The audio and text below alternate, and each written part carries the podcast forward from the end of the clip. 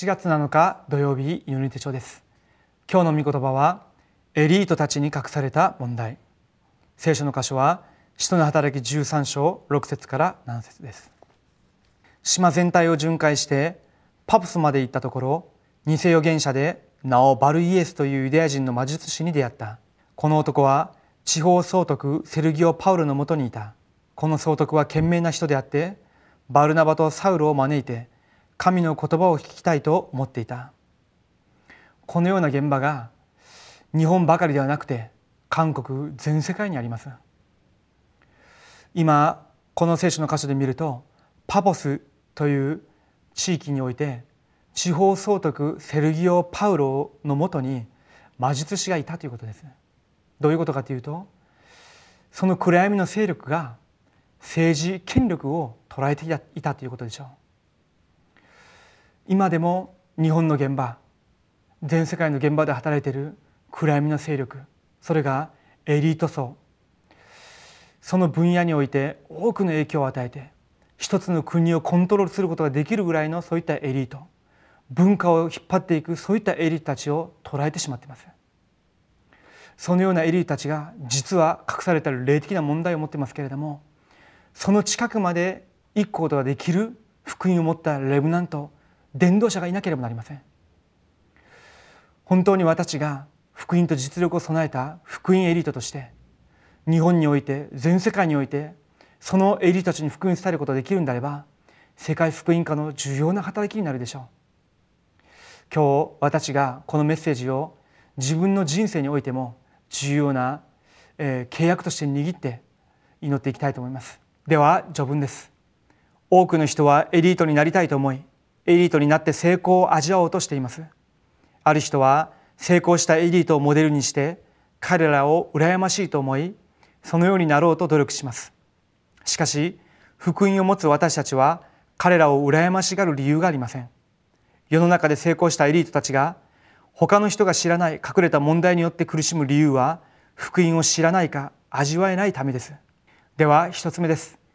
エリートの隠れた霊的な問題。エリートだといえば多くを勉強した人です。知識も多くて経験も豊かで世の中を見る目も異なります。そのためエリートの中で成功した人が多いです。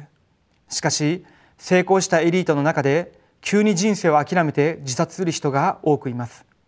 うつ病と躁うつ病精神問題不眠症などのような問題によって苦しむ人はもっと多くいます。しかしこれらの問題を隠しています。彼らに福音を伝えなければなりません。彼らを生かす道はただ福音のみです。私が一緒に刺激をしている安出児の方ですけれどもその方が自分の会社を置いてどのようにして未信者に伝道をするか、えー、考えながら祈り始めてました。すると、えー、先週のことですけれども自分の会社にいる弁護士が急に、えー、発作を起こして自分の頭を抱えながら自分のデスクにずっとぶつけてたみたいです。そうしている間に後ろに、えー、倒れてしまったようです。30分ぐらいその発作が続いたようですけれども後で分かったことですが転換持ちでした。その方が1か月ほど前にはその執事さんに交通事故を起こして車を廃車にしてしまった。そういった告白をしたみたいです。また奥さんとも離婚したということです。本当にエリートでその会社の専属の弁護士でまだ若いにもかかわらず自分自身にあるその霊的な問題ゆえにどんどんどんどん崩れていくその姿を見ながらその安出さんが必ずこの人に福音伝えるべきだと決断を下したという告白を先週聞きました。私の周りにエリートの中にそのような隠れた霊的な問題を持って悩んでいる人たちがたくさんいます。では2つ目です。苦しむエリートたち。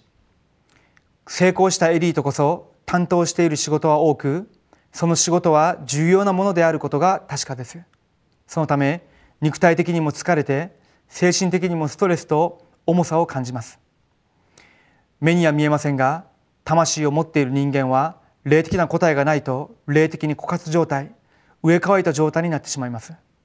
そのため成功したエリートたちが薬物に頼ったりアルコール中毒麻薬中毒ゲームとギャンブル中毒になったり生活が崩れたりもします。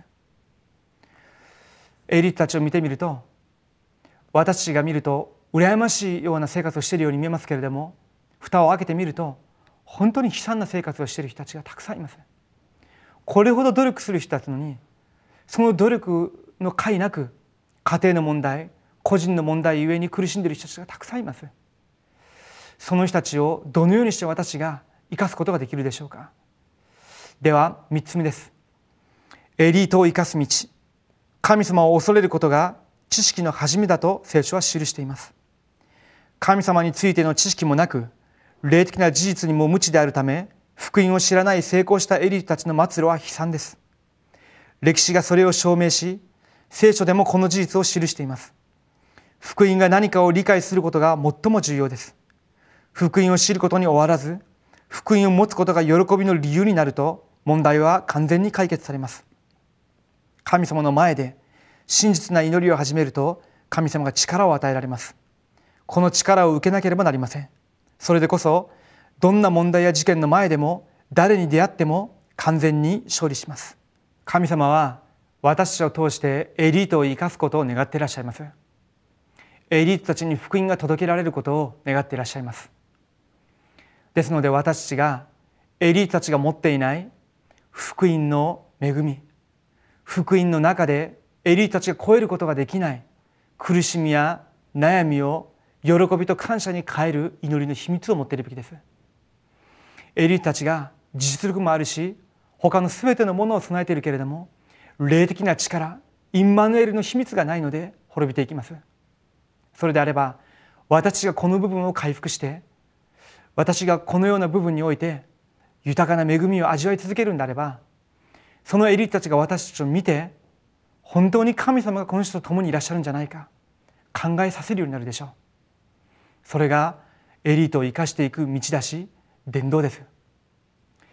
聖書に記されている7人のレモンたちは一人も例外なくその時代最も影響力ある王たちの前で